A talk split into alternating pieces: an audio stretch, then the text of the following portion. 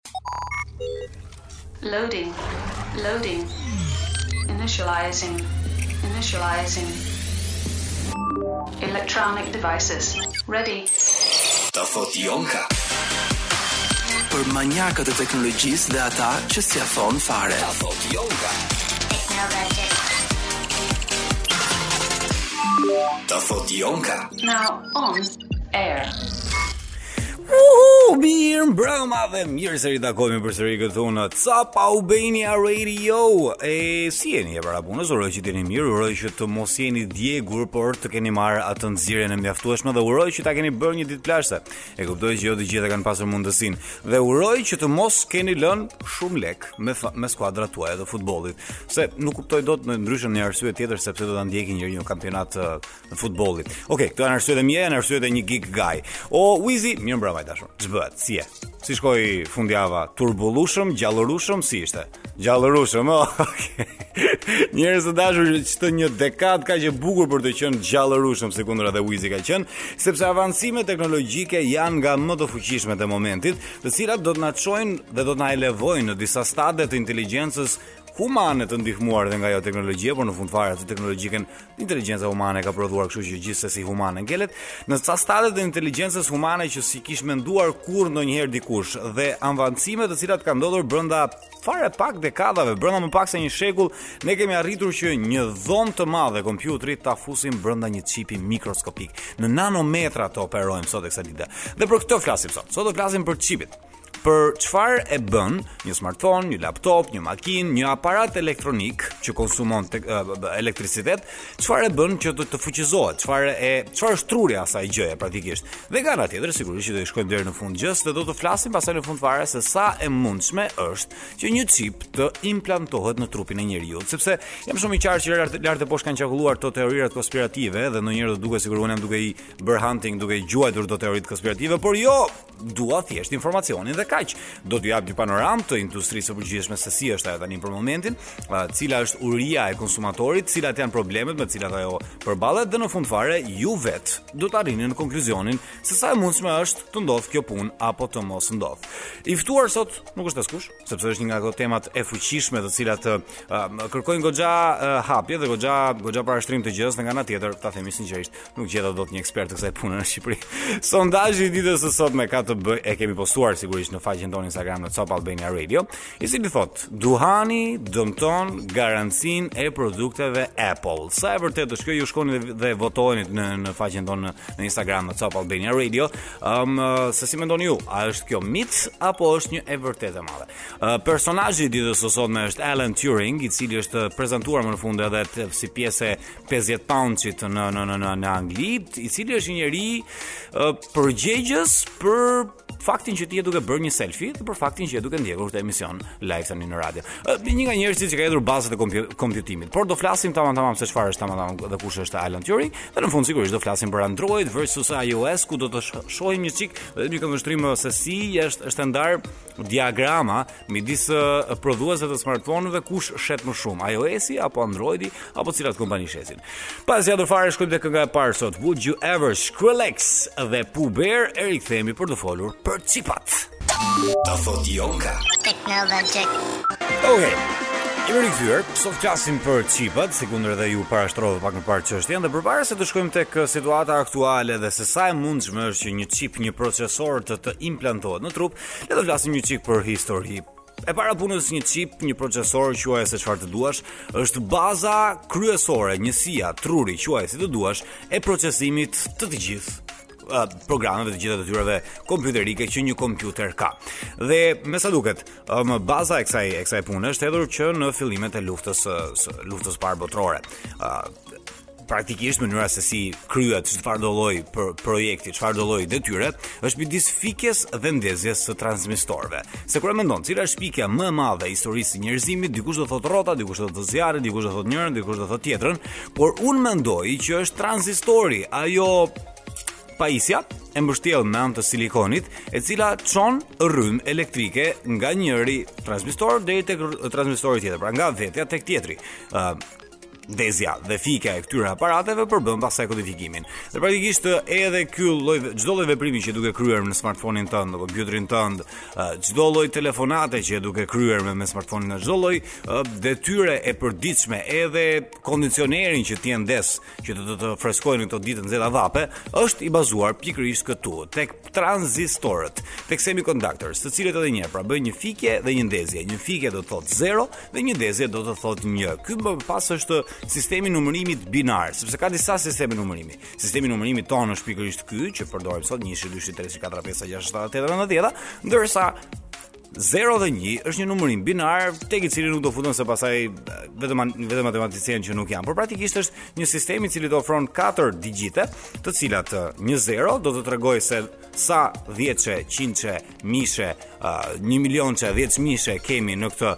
në këtë shifër, ndërsa njëshi do të tregojë që po e kemi një të tillë në këtë në këtë në këtë kombinacion le të themi. Katër kombinacione të tilla formojnë një bit e më pas kemi pastaj nga 4 që 4 bit, 8 bit e të tilla me radhë, që formojnë pastaj dhe sistemet në të cilat të fuqizohen të gjitha uh, programet ose të gjitha këto aparate të cilat i shihni sot e kësaj dite. Momenti i parë se kur është prodhuar një lloj uh, kompjuteri i tillë, le të themi, ka qenë ENIAC, i cili është ndërtuar në 1945-ën, i cili do të llogariste trajektoret e artilerisë gjatë luftës së dytë botërore. Llogaritje të cilat njeriut do t'i merrnin një ditë. Të në fund të ditës një kompjuter është thjesht fare matematik. Dhe në fund të ditës, ajo që një kompjuter bën është numërim, numërim të versioneve nga më të ndryshmet, dhe këto konfigurime numrash që pastaj i ka, i kupton, të koduara i çon tek një program, ai programi më pas ka të gjuhën e vet të sistemit të operimit që e kupton se çfarë procesori i ka thënë dhe më pas zgjedh se çfarë do të të shfaqë ty tek ekrani, do të zgjedh se cila nga pikselet e ekranit do të ndizet, cila nga pikselet e ekranit do marrë ngjyrën e kuqe, cila nga pikselet e ekranit do marrë ngjyrën blu, njërin tjetrën për të të shfaqur ty më pas atë produktin, por jo vetëm tek ekrani, jo vetëm tek shfaqja e e, e materialeve vizuale, por edhe tek shfaqja e, e materialeve audiovizive, edhe atyre audio po themi në këtë rast, edhe ju që jeni duke na dëgjuar aty nga nga nga kasetofoni i makinës ose sot akoma kasetofon e quajmë, edhe ju që jeni duke na dëgjuar nëpërmjet makinës tani nëpërmjet valëve të radios, jeni duke na dëgjuar nëpërmjet këtij sistemi 01 çdo lloj Fjale, intonacion i zërit tim, çdo lloj shkronje e bashkuar është në fakt në fakt një konfigurim i zero njëshit në një procesor diku, qoftë në antenat ku i kemi ne në majë të malit atje lart, qoftë në në serverat tanë këtu, pra praktikisht është një rrjet i cili komunikon me njëri tjetrin me zero njësha. Eniaku i asaj kohe i 1945-s ishte një super makinë gjigande, e cila do të merrte një dhomë të tërë. Peshonte besoni a jo 30 ton, sepse mënyra se si përdorej atëherë. Kjo uh, anoda dhe katoda. Këto këto tranzistorët e vegjël fare që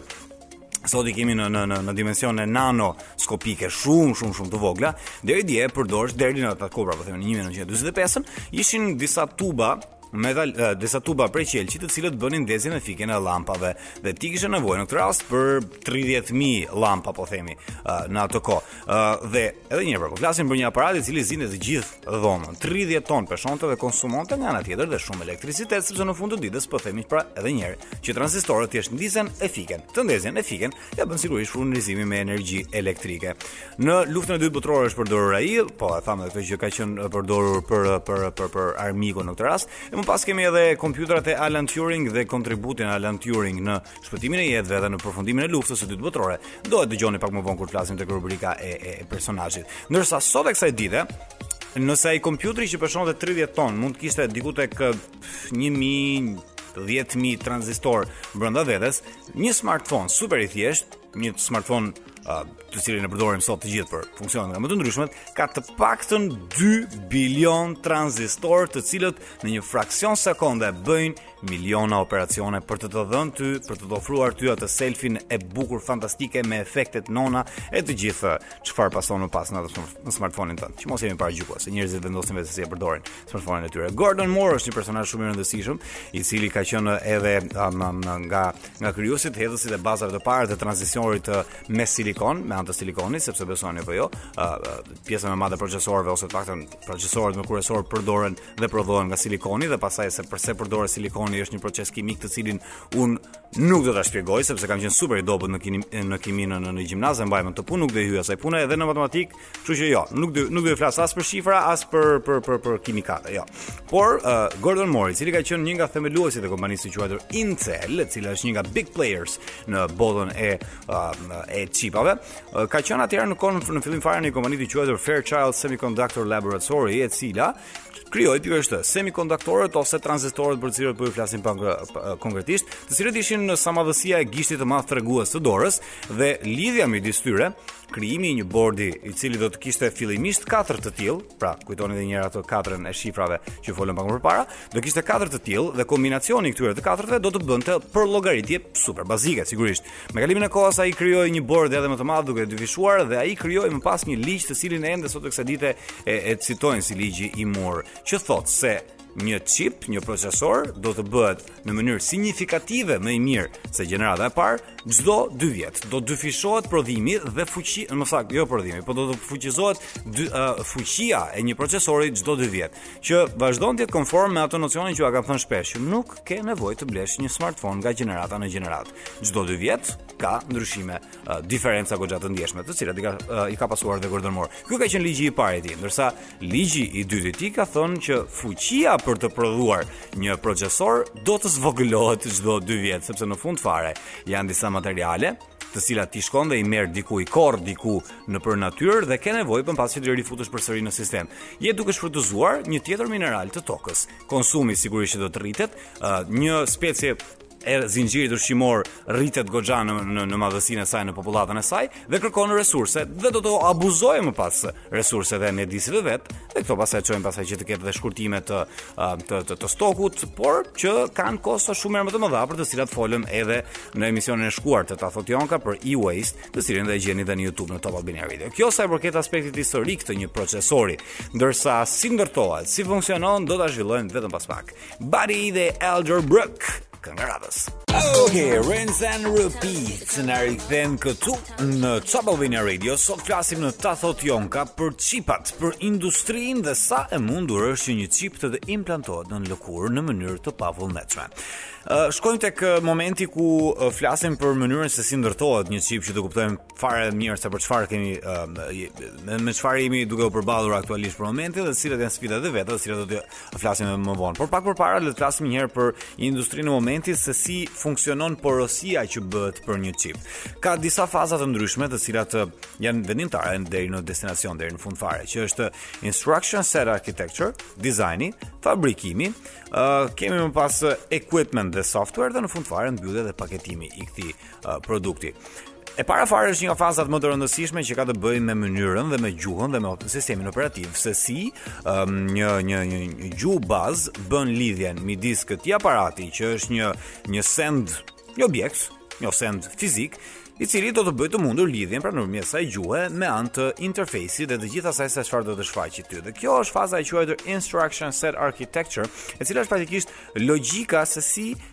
ky lloj produkti, ky lloj pajisjeje do të funksionojë. Dhe këtu po flasim për gjërat më bazike, që nga mënyra se si ai do të shkojë të aksesojë tek memoria, që nga mënyra se si ai do të menaxhojë konsumin e baterisë, që nga mënyra se si ai do të uh, përdorë inteligjencën artificiale, pra të gjitha shërbimet dhe të gjitha gjërat që ti shikon të reklamuara uh, tek uh, tek Apple-i më i fundit, po themi, tek iPhone-i më i fundit, që të cilat shiten edhe si inovacione, kanë të bëjnë pikërisht me këtë, me këtë momentin e parë, se si do të funksionojë, se çfarë logjike do të ndjekë ky lloj truri artificial të cilin e ka prodhuar një kompani e quajtur Apple, e quajtur Samsung, e quajtur çfarë të duash ti, e cila më pas do ta marrë këtë lloj koncepti dhe do ta shkojë, do të shkojë ta, ta aplikojë në mënyrën e dizajnit ku secila kompani ka dizajnin e vet. Ë në praktikisht Apple-i ka dizajnin e vet me çipat e saj që do të prodhojë, Samsung-u ka dizajnet e veta me Exynos, të cilat i përdorin në disa tregje të caktuara në për aparatet e veta, por Qualcomm pastaj është pjesa tjetër, është kompania e tretë e cila um, prodhon ose dizajnon së bashku edhe me në konkurrencë direkte edhe me Intel, por Intel-in do e prekim pak më vonë. Qualcomm është një një tjetër pjesë shumë e rëndësishme, Uh, një tjetër kompani shumë e rëndësishme, një big player, le të themi në mënyrën se si i dizajnon ajo uh, procesorët e vet. Uh, ndërsa Intel po ashtu është një nga kompanitë më të mëdha, të cilat nuk e ka shtrirjen vetëm në smartphone, ose më saktë s'ka fare në lidhje me smartphone-at, por e ka të gjithë shtrirjen e vet në aparate kompjuterike. Ndërsa Qualcomm për të cilën po flisnim pak më parë, uh, çipat e veta tashmë po përdoren goxha edhe nëpër laptopa. Po, nëse deri dje një çip ishte i madh ai, kishte le të themi kështu, një specifikë krejt të ndryshme, Qualcomm ka bërë që edhe laptopët të përdorin pikërisht çipat që i shohim të përdorur tek smartphone-et, që na tregon edhe një herë shkallën e uljes së një procesori, i cili nga uh, nga uh, procesori që thamë pak më parë, nga ENIAC i 1945-s, që do të merrte një dhomë të tërë, tashmë edhe një një, një gjysma e pëllëmbës së dorës ose çereku i pëllëmbës së dorës tashmë mund të përdoret për të bërë uh, shërbime super të fuqishme edhe një laptop gaming mund ta fuqizojë ajo. Nëse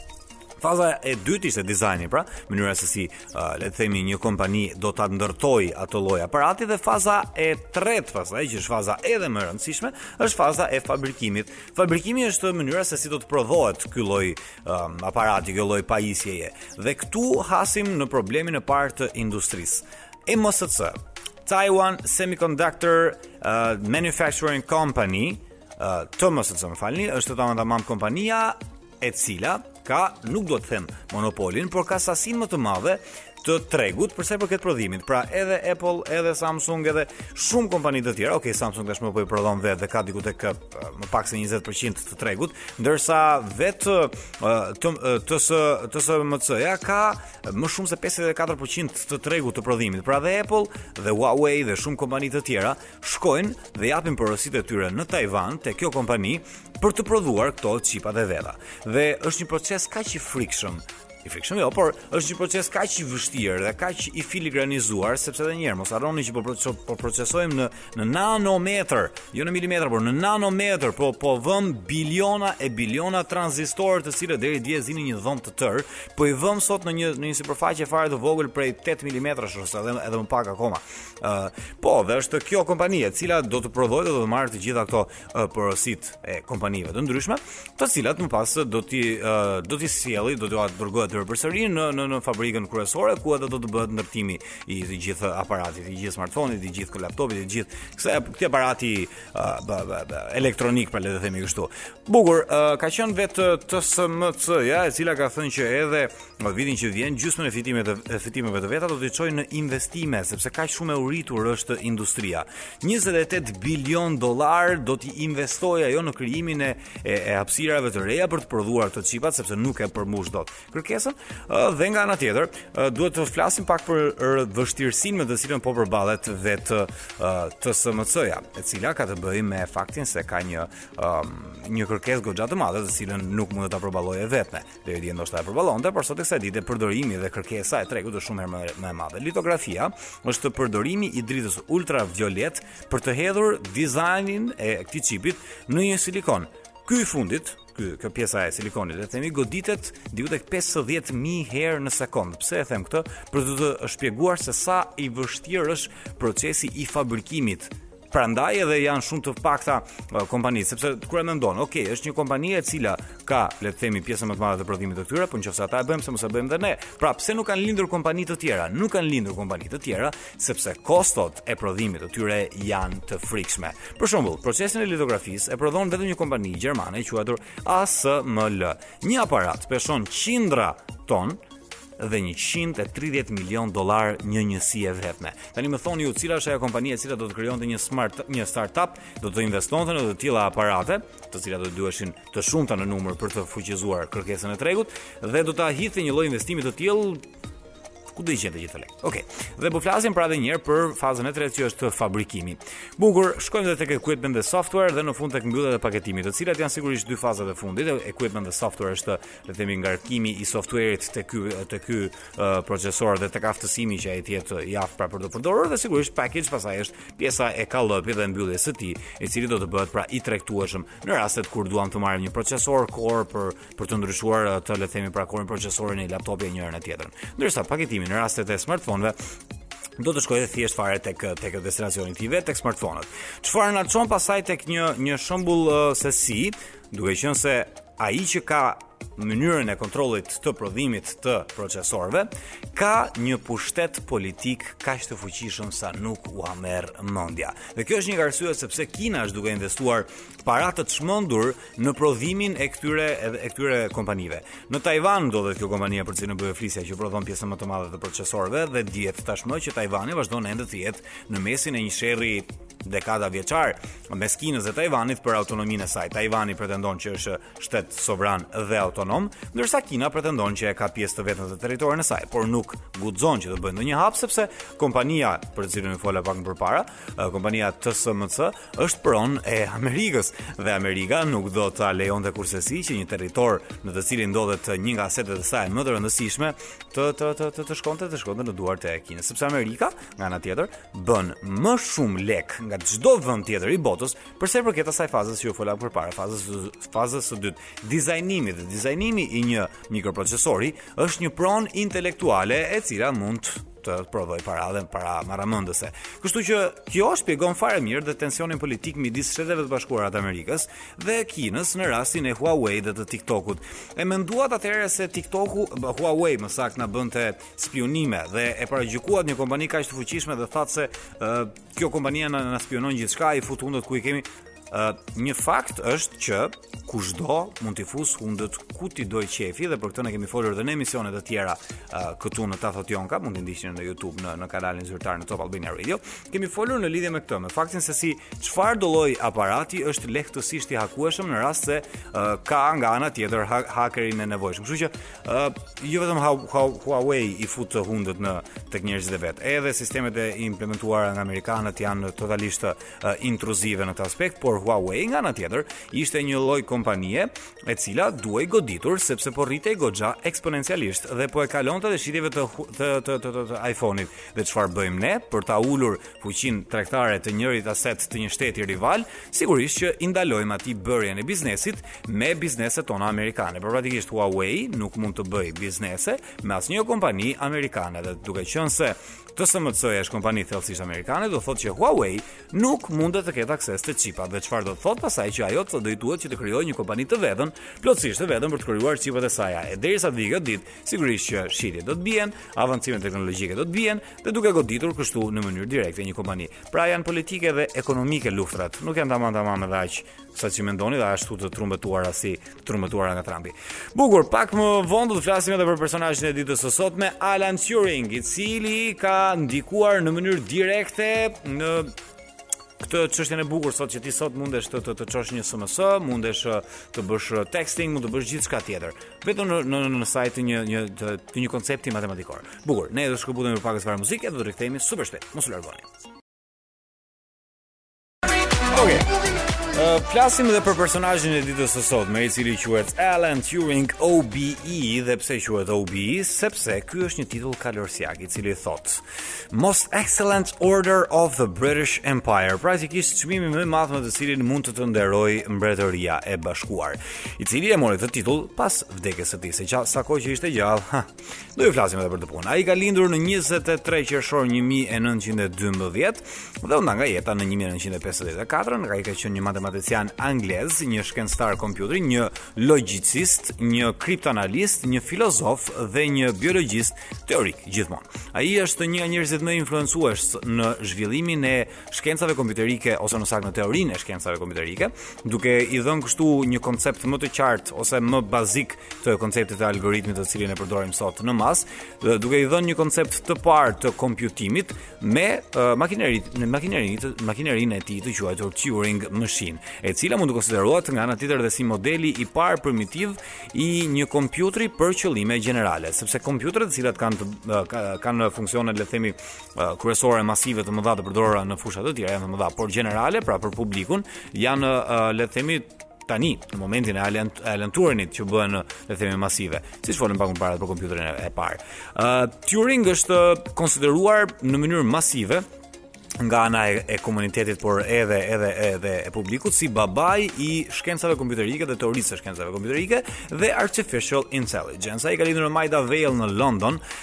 dhe është rritur në Southern England në jug të Anglisë. Bukur fort në King's College, Cambridge, është është um,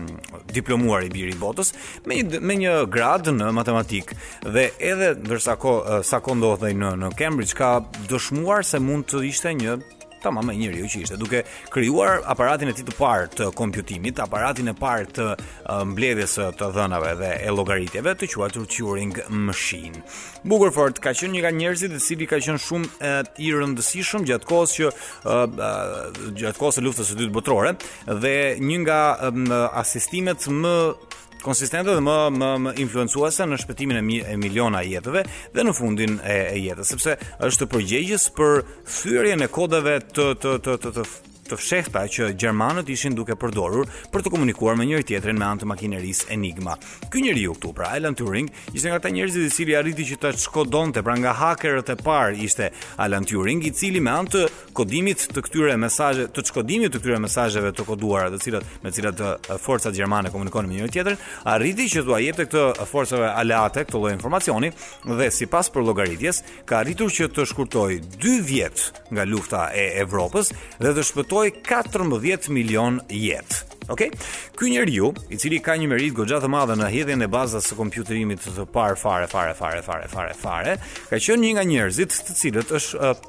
persekutuar më shumë nga historia e persekutimeve kudo qoftë kjo, sepse e e e për fatin e tij jo fort të mirë lindi në periudhën e gabuar. Për shkak të bindjeve të tija seksuale, ai ishte i dënuar nga ana e e, e, e, e mbretërisë së bashkuar, pra për gross indecency, për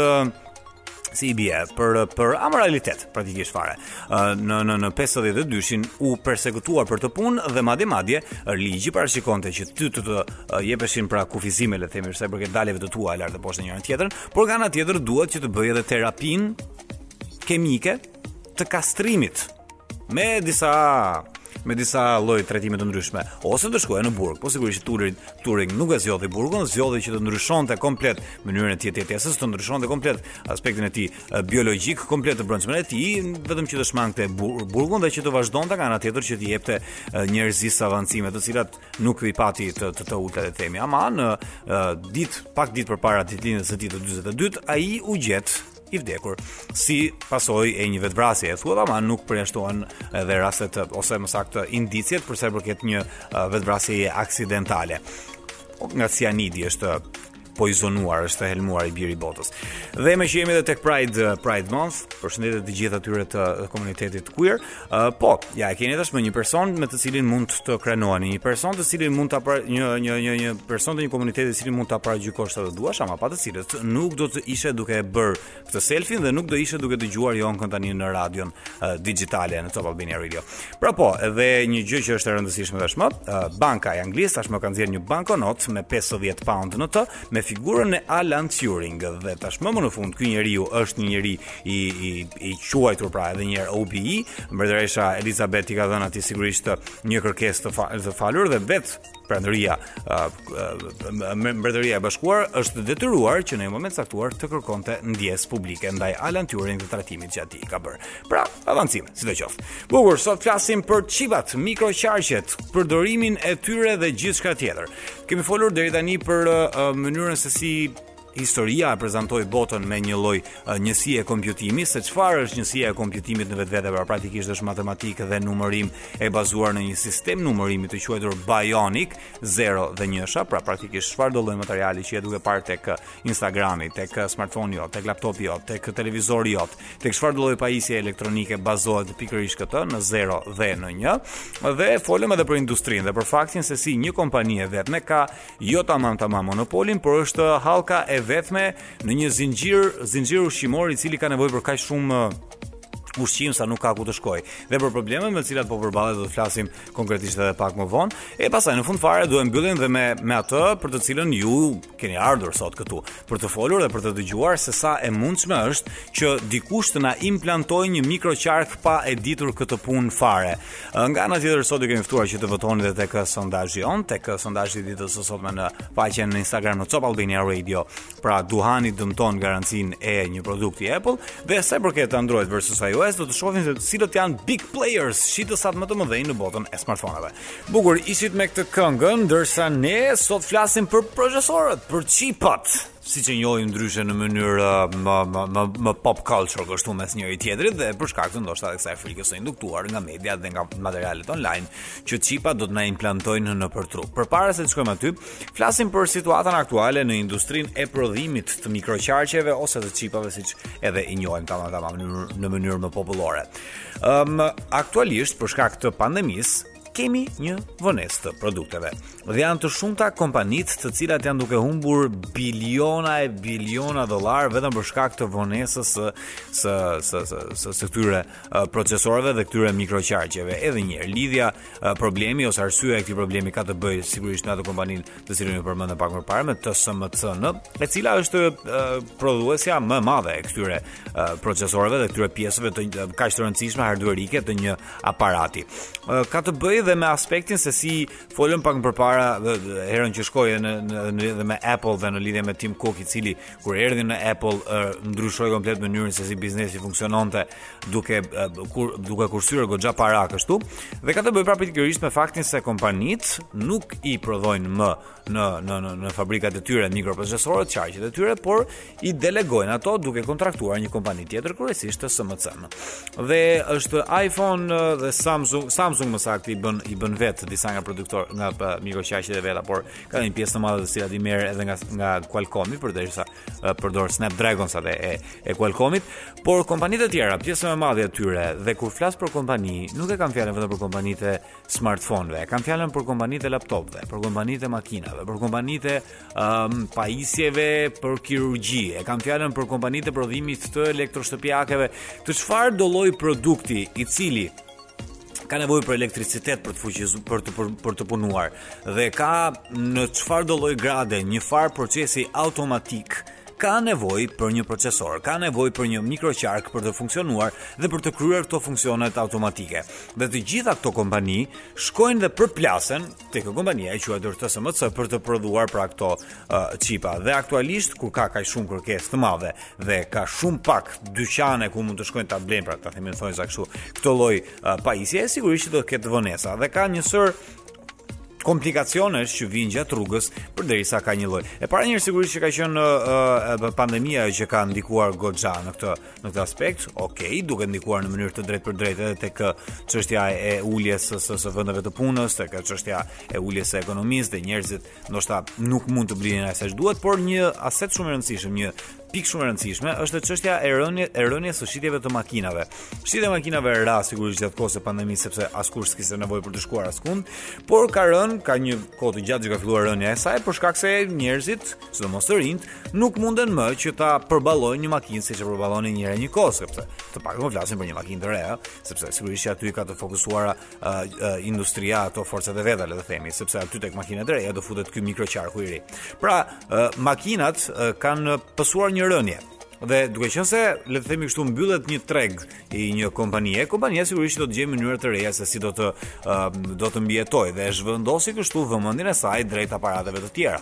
aparateve të tjera elektroshtëpiake ose aparateve të tjera të konsumatorit. Dhe në momentin që uh, industria e makinave u rimëkëmb, le të themi, dhe ripati një kërkesë për mikroqarqe, sigurisht që do të haste një problem tjetër, sepse mënyra se si procesohet një mikroqarq për të cilën folëm pak më parë, është shumë e vështirë dhe kërkon nga 6 deri në 12 muaj rimodelim të të gjithë fabrikës për të prodhuar atë lloj aparati të cilin ti ke nevojë. Dhe kështu që e para një herë të vjen kërkesa me vonesë. Sigurisht që rezultati dhe produkti do të vijë me vonesë për shkak të kësaj, por edhe të shumë aspekteve të tjera, sepse vetë fabrikimi i këtyre proceseve, i këtyre procesorëve ka edhe sfida të tjera. Vetëm fare pak plur, pluhur të hyjë në këtë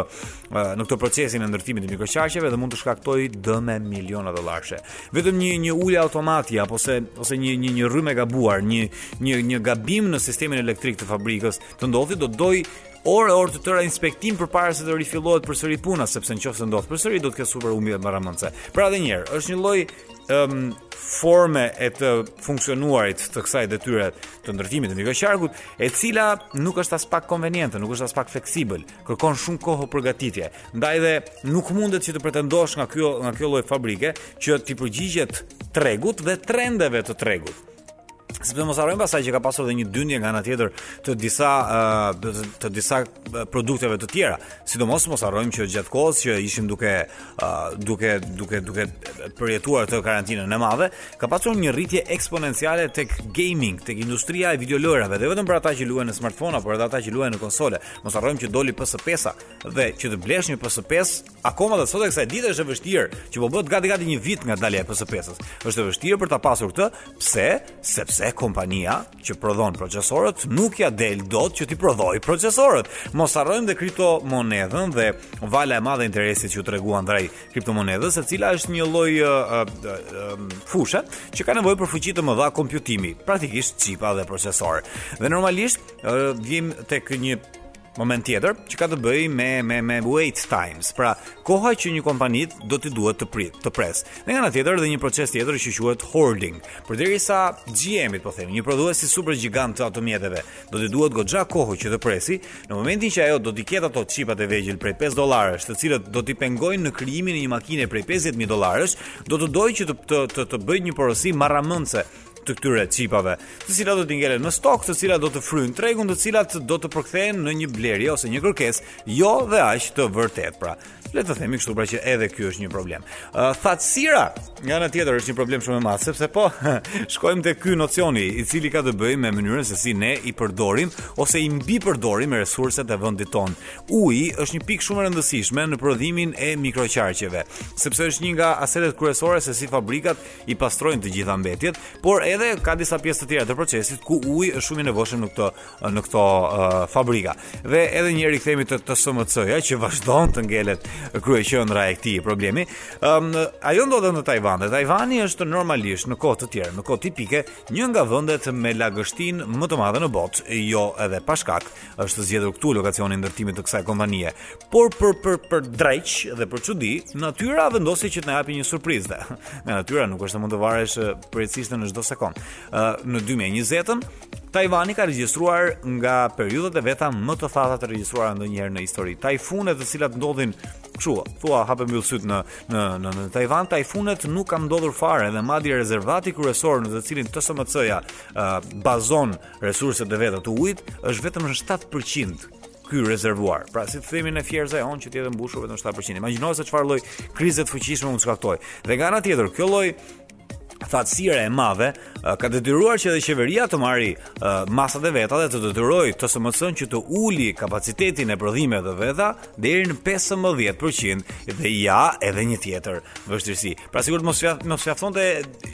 të gjitha pengesat e, e tregut që ai paraqet. Nevoja e vërtetë dhe jo e vërtetë duhet edhe nëna natyrë, pastaj vjen edhe qeveria që të kërkon që të ulësh prodhimin. Pra e kuptojmë shumë mirë se cili është pro, problemi në këtë në këtë mes, uh, që ka shkaktuar që edhe qeverinë Biden të rishikojë edhe një herë pra këtë lloj strukture se si funksionon ky aspekt i biznesit, duke premtuar kompani të tjera të cilat uh, shtete të tjera të cilat Janë duke investuar biliona e biliona dollarë që të krijojnë dhe ata TSMC-në e tyre, pra fabrikën e tyre të prodhimit të mikroqarqeve dhe jo më kot Kina është duke harxhuar shuma marramendëse, sepse të kesh kompaninë e prodhimit të një aseti i cili fuqizon çfarëdo lloj aparati kudo që ndodhet ai, sigurisht që është një aset goxha i fuqishëm, goxha i rëndësishëm për t'u menaxhuar dhe për t'u pasur në dorë. Amerika, Amerika vazhdon ta ketë atë në dorë. Bukur, pas pak do të flasim edhe në në në, në lidhje me implantimin e këtyre mikroqarqeve për atë se çfarë do të ndodhë me të ardhmen kur ne të kemi nga një mikroqark në trup, për çfarë qëllimesh përdoren këto tamam tamam jo mikroqarqe, po le të themi mikroqarqe, mund të quhen ata deri në farë mase, të cilat edhe edhe sot, nëse mos ua zbuloj surprizën. Do të rënë fare pak muzikë e do të rikthehemi super shpejt. I was passing through no place. Okej, full proof na rikthem këtu në Top Albania Radio në emisionin e të përhënshëm tashmë. Ca thotë Jonka nga ora 9 deri në orën 11, ndërkohë që javën tjetër do të kemi ndryshime, kështu që shënojeni aty te kalendari juaj digital nga ora 6 deri në orën 8 do të jemi këtu për të folur për teknologji. për ata që nuk e kanë mendjen tek uh, ndeshjet. Megjithëse kampionati mbaroi. Uroj që të jetë uh, duke shkuar mirë uh, ndjekja e këtyre ndeshjeve. Bukur. Atëherë folëm për çipat dhe folëm për procesorët dhe mikroqarqet, të cilat janë baza kryesore se si një kompjuter i kryen detyrat e veta dhe se si është duke qeverisur të gjithë botën pra ky mikroqarku. Nga ana tjetër, Ju shpjeguam se me si funksionon industria për momentin, cilat janë kërkuesit, big players, edhe cilët janë zbatuesit dhe nga ana tjetër në fund fare pastaj në ndërhyrjen e tretë, ju shpjeguam se si um, po përballet me disa probleme të mëdha. Kompania kryesore që i prodhon ato ose vetë industria e madhe ka shumë shumë pengesa në përmbushjen e kërkesave. Dhe arrijmë në pyetjen e fundit. A është e mundur që të implantohet një mikroqark në trup apo jo, sikundër edhe pretendohet nga uh, ata që besojnë në teoritë konspirative, pra po themi kështu nëpërmjet vaksinës. Edhe po, edhe jo. po, sepse aktualisht ka disa metoda se si mund të të implantohet një çip në trup, dhe këto janë çipa të cilat janë kryesisht le të themi mikroqarqe RFID, Radio Frequency Identifiers, të cilët kanë fare pak funksione të thjeshta në në në vetvete dhe uh, funksionojnë me anë të valëve dhe kanë nevojë që të skanohen me anë të një aparati tjetër. Praktikisht ato janë disa kapsula fare të vogla në formën e atyre hapeve që pim kur na dhemb barku që janë kështu me një mbështjellje të vogël plastike e aq e madhe është ajo në dimensione, e cila implantohet dhe ka disa funksione fare të thjeshta. Duhet ta afrosh drejt një aparati, i cili edhe ai është RFID uh, compatible, pra mund të lexojë uh, frekuencat uh, e radios. Praktikisht, siç është uh, kur shkon tek ashensori dhe do të vësh atë çelësin digital përpara se të shtypësh buton, butonin se ndryshe nuk funksionon. E, ajo është një RFID, e cila ka kodet e veta, ka, uh, le të themi kështu, identifikimet e veta personale le të themi. Ëm, um, aktualisht kjo teknologjia është duke zbatuar dhe duke u implementuar në Suedi. Suedia është vendi më i avancuar në, në këtë drejtim, fakt me sa di unë, se mund të ketë ndonjë kin që na bën një surprizë në Proçk. Por Suedia është, um, le të themi, të paktën në Evropë, një nga vendet më të avancuara në këtë drejtim, sepse njerëzit në mënyrë krejtësisht të vullnetshme dhe llogaritet nga 5 deri në 10000 njerëz kanë implementuar midis gishtit të madh të dorës dhe gishtit tregues një kapsul ku ka aty një procesor që i bën ca veprime. Se cilat janë këto veprimet? Do ta merrni vesh super shpejt. Mos u largoni, qëndroni aty. Pra, çipat të cilat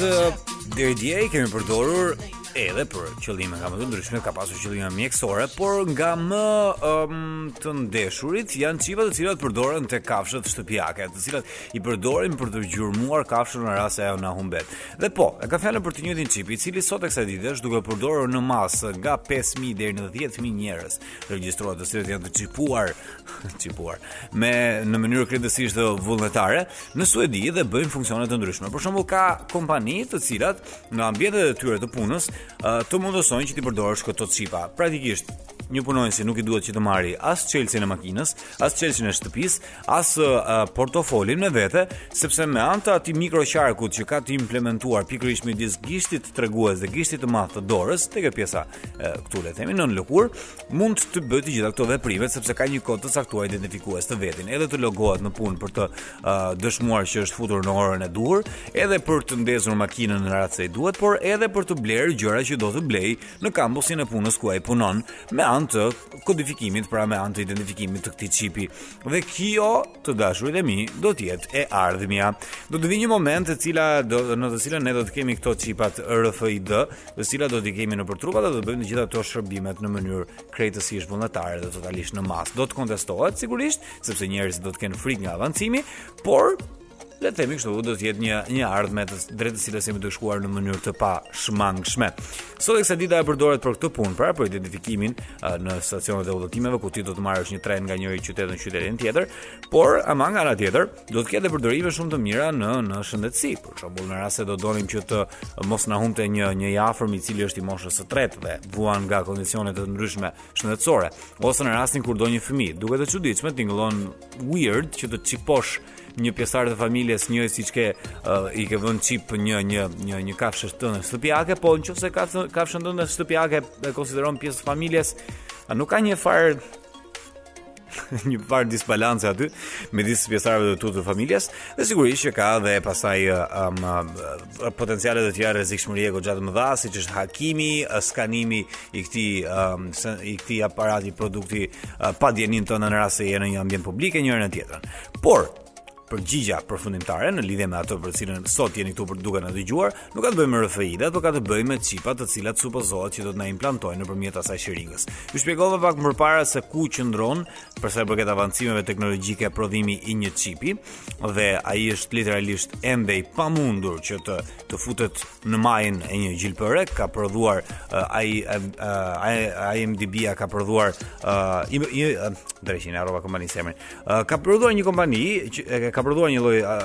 çipi uh, të, të implementueshëm i cili ka vetëm disa um, vetëm vetëm disa funksione të thjeshta. IBMD, IBM-ja se u bëm lëmsh. Atëherë, IBM-ja është kompania e cila ka prodhuar një lloj çipi i cili mund të implantohet, por prapëseprapë ti është drejt këtyre vetëm me këto veprimet e kushtëzuara të cilat përmendëm pak përpara, i cili po mund të implementohet, por megjithatë vetëm ba,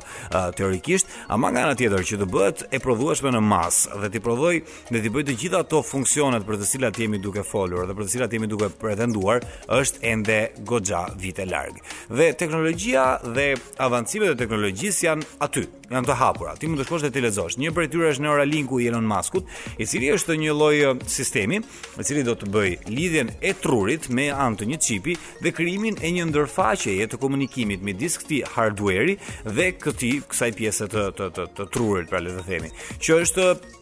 aktualisht në sot sot e kësaj dite në hapat e veta primitive. Gjithçka që ata kanë arritur të bëjnë është implementimin e kësaj e këtij aparati në tru në trurin e disa kafshëve dhe ka ndikuar le të themi kështu në disa procese fare të thjeshta të këtyre të këtyre kafshëve duke përkthyer 2-3 um, kode që një kafshë mundet dhe arrin që të komunikojë ty dhe kaq asgjë më tepër uh, kafshët janë plotësisht të shëndetshme nuk kanë pësuar asnjë lloj problemi dhe kaq deri këtu ka arritur eksperimenti ajo që ata duan të bëjnë aktualisht Elon Musk po mundon që në këto 10 vitet e ardhshme do të dojë që këto uh, këto lloj aparatesh Neuralinku të arrijnë që të shërojnë ose të luftojnë të paktën probleme mendore si depresioni e aspektet e tjera, ama se ku mundet të shkojë një çip i tillë, nuk e keni idenë se çfarë gjërash na presin. Po ta keni parasysh edhe skenën e Matrixit ku Neo uh, do që të di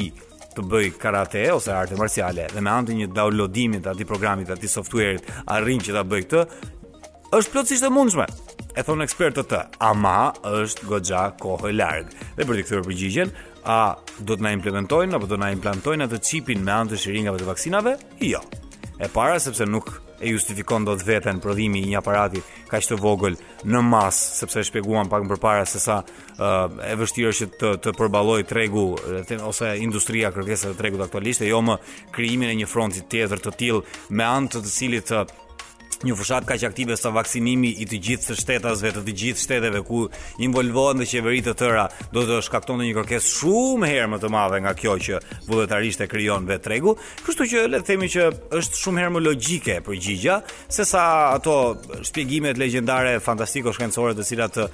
me anë të misticizmit të tyre na habisin dhe na bëjnë që të ngrejmë dilema. Kështu që për momentin jo, nuk mund të, të implementohet një çip. A do të implementohet? Sigurisht, me kalimin e kohës. A do e bëja? Unë po, ti zgjidh e bëj. Muzikë dhe rikthehemi super shpejt. Nuk vonohemi. Erdhëm. Ashtu dhe, dhe mbërrijmë në destinacion, mbërrijmë në fund të emisionit të ditës së sotme, këtu jeni në Top Albania Radio, në shoqërinë e Jonkës dhe DJ Wizit aty. Këtu në Ta thotë Jonka, në nga ora 11, nga ora 9 deri në 11, në një program prej 2 orësh ku flasim për çipa, ndërsa të hënën që vjen, ju informojmë që do nisim nga ora 6 deri në orën 8 do jemi së bashku. pikërisht këtu në Top Albania Radio. Dhe e mbyllim kështu me sondazhin dhe me iOS versus Android. Sa i përket sondazhit, ja një sekondë sa t'ju gjej ku ku jeni. Keni votuar në fakt më shumë prej jush si mit. Pra sot e kemi pyetur se dë, në në rast se ju si e mendoni, a është mit apo e vërtetë? Fakti që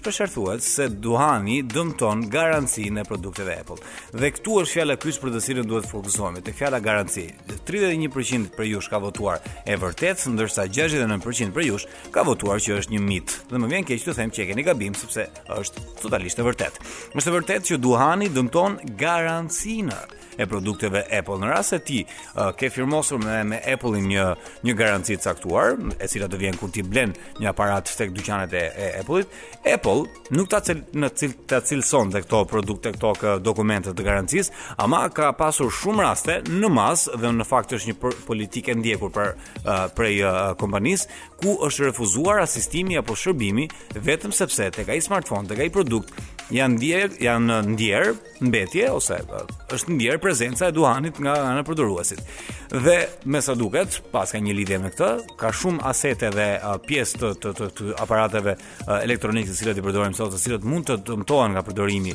i ose nga um, ekspozimi prej duhanit, le të themi, dhe me sa duket Apple në rast se gjen që ti ke tymosur duhan afër smartphone-it tënd, të piu e zeza. Ishalla nuk e ke atë fat. Prapë, që ka një vërtet e madhe në vrazhdën e çudirave që Apple i paraqit. Sa i përket rubrikës Android versus iOS, bëjmë një këndvështrim kështu të thjeshtë fare, super të shpejtë, në lidhje me kompanitë të cilat janë më lart sa i përket shitjeve të uh, smartphone-ve në 2020-ën në vendin e 5 është Vivo me 95 milion njësi të shitura uh, në mbarë globin. Po, një kompani e Azisë, kineze në mos gaboj, e cila është goxha interesante, uh, vetëm në 10 vitet e fundit ia ka dalë mbanë që të kapi këtë pozicion pra në të gjithë Duke kaluar te Xiaomi dhe kompanive të tjera, imagjinoje pak. Ë uh, kemi Oppon, e cila ka shitur 111 milion njësi në 2020-ën në vendin e katërt. Në vendin e tretë kemi Huawein, e cila pavarësisht atyre goditjeve goditjeve të mëdha politike që mori, të cilat i përmendëm edhe pak më përpara, ia ka dalë mbanë që të shkojë në vendin e tretë me 152 milion njësi të shitura në 2020-ën, ndërsa Apple, ok, një iOS më në fund, në vendin e dytë e kemi të regjistruar me 215 milion njësi të shitura në 2020-ën, dhe vendin e parë, padyshim që kush tjetër do e kishte, përveç Samsungut, Samsungu regjistron mesa duket 315 milion njësi të shitura vetëm në 2020-ën. Dhe mos harrojmë që ka qenë një vit jo fort i mirë për industrinë e smartfoneve, sepse I ndikuar në mënyrë direkte edhe nga mungesa e çipave për të cilën folëm edhe pak më përpara, sigurisht që edhe le të themi uh, arritja e kërkesës tek tek te konsumatori ka qenë e vështirë. Uh, delivering deri në, në datat e caktuara, në afatet e caktuara nga vetë kompania, ka qenë goxha e vështirë, çka ka ndikuar sigurisht edhe në edhe edhe një, një edhe në në në në, në kërkesën e tregut, por nga ana tjetër edhe uh, ulja e rrogave, edhe humbja e punëve ka ndikuar goxha e pavarësisht të gjitha këtyrave. Androidi, më saktë Samsungu, por Androidi sido qoftë ia ka dalë mbanë që të jetë top selleri për 2020. Wizo, kena ik? Do të përshëndetemi me me me përshtypjet më të mira, siç i thonë shqiptarët. Urojmë që të jeni mirë, urojmë që të jeni shëndetshëm, urojmë që t'ju kemi shërbyer dhe urojmë që t'ju kemi hequr sadopak frikën e çipave, magneteve e qenit të komshiut që mendoni se do t'ju implementojnë nën lëkurë. Uroj që të të të të të të të jeni të mirinformuar mbi të gjitha, sepse informacioni miqtë e mi të dashur është aty, është lart e poshtë. Mjafton të kesh pak eh, bon sens, pak common sense, pak logjikë dhe pak dëshirë e kureshtje për të vërtetuar e për të kuriozuar e për të pyetur çfarëdolloj gjëje që të hidhet e të trumbetohet kështu lart e poshtë. Edhe këtë sigurisht që aplikojeni tek vetja. Gjithë këto gjëra që i diskutojmë këtu te Jonka, jeni më se të lirë që t'i kontrolloni të gjitha një më një. Bukur, ishte gjithçka që kemi përgatitur për sot. Çipi nuk do na implementojnë, ama do na implementojnë muzikë. Imagjino Wizi, sa bukur do jetë nesër kur ai çip i implementuar në tru të jetë i tillë që ti të kërkosh një këngë të caktuar, çfarë ti ka, dhe ta dëgjosh vetëm ti. S'e dëgjon, s'e dëgjon asnjëri, s'do kesh nevojë as për kufje, as smartphone asgjë. Fantastike dhe. Natën e mirë nga Jonka. Ciao.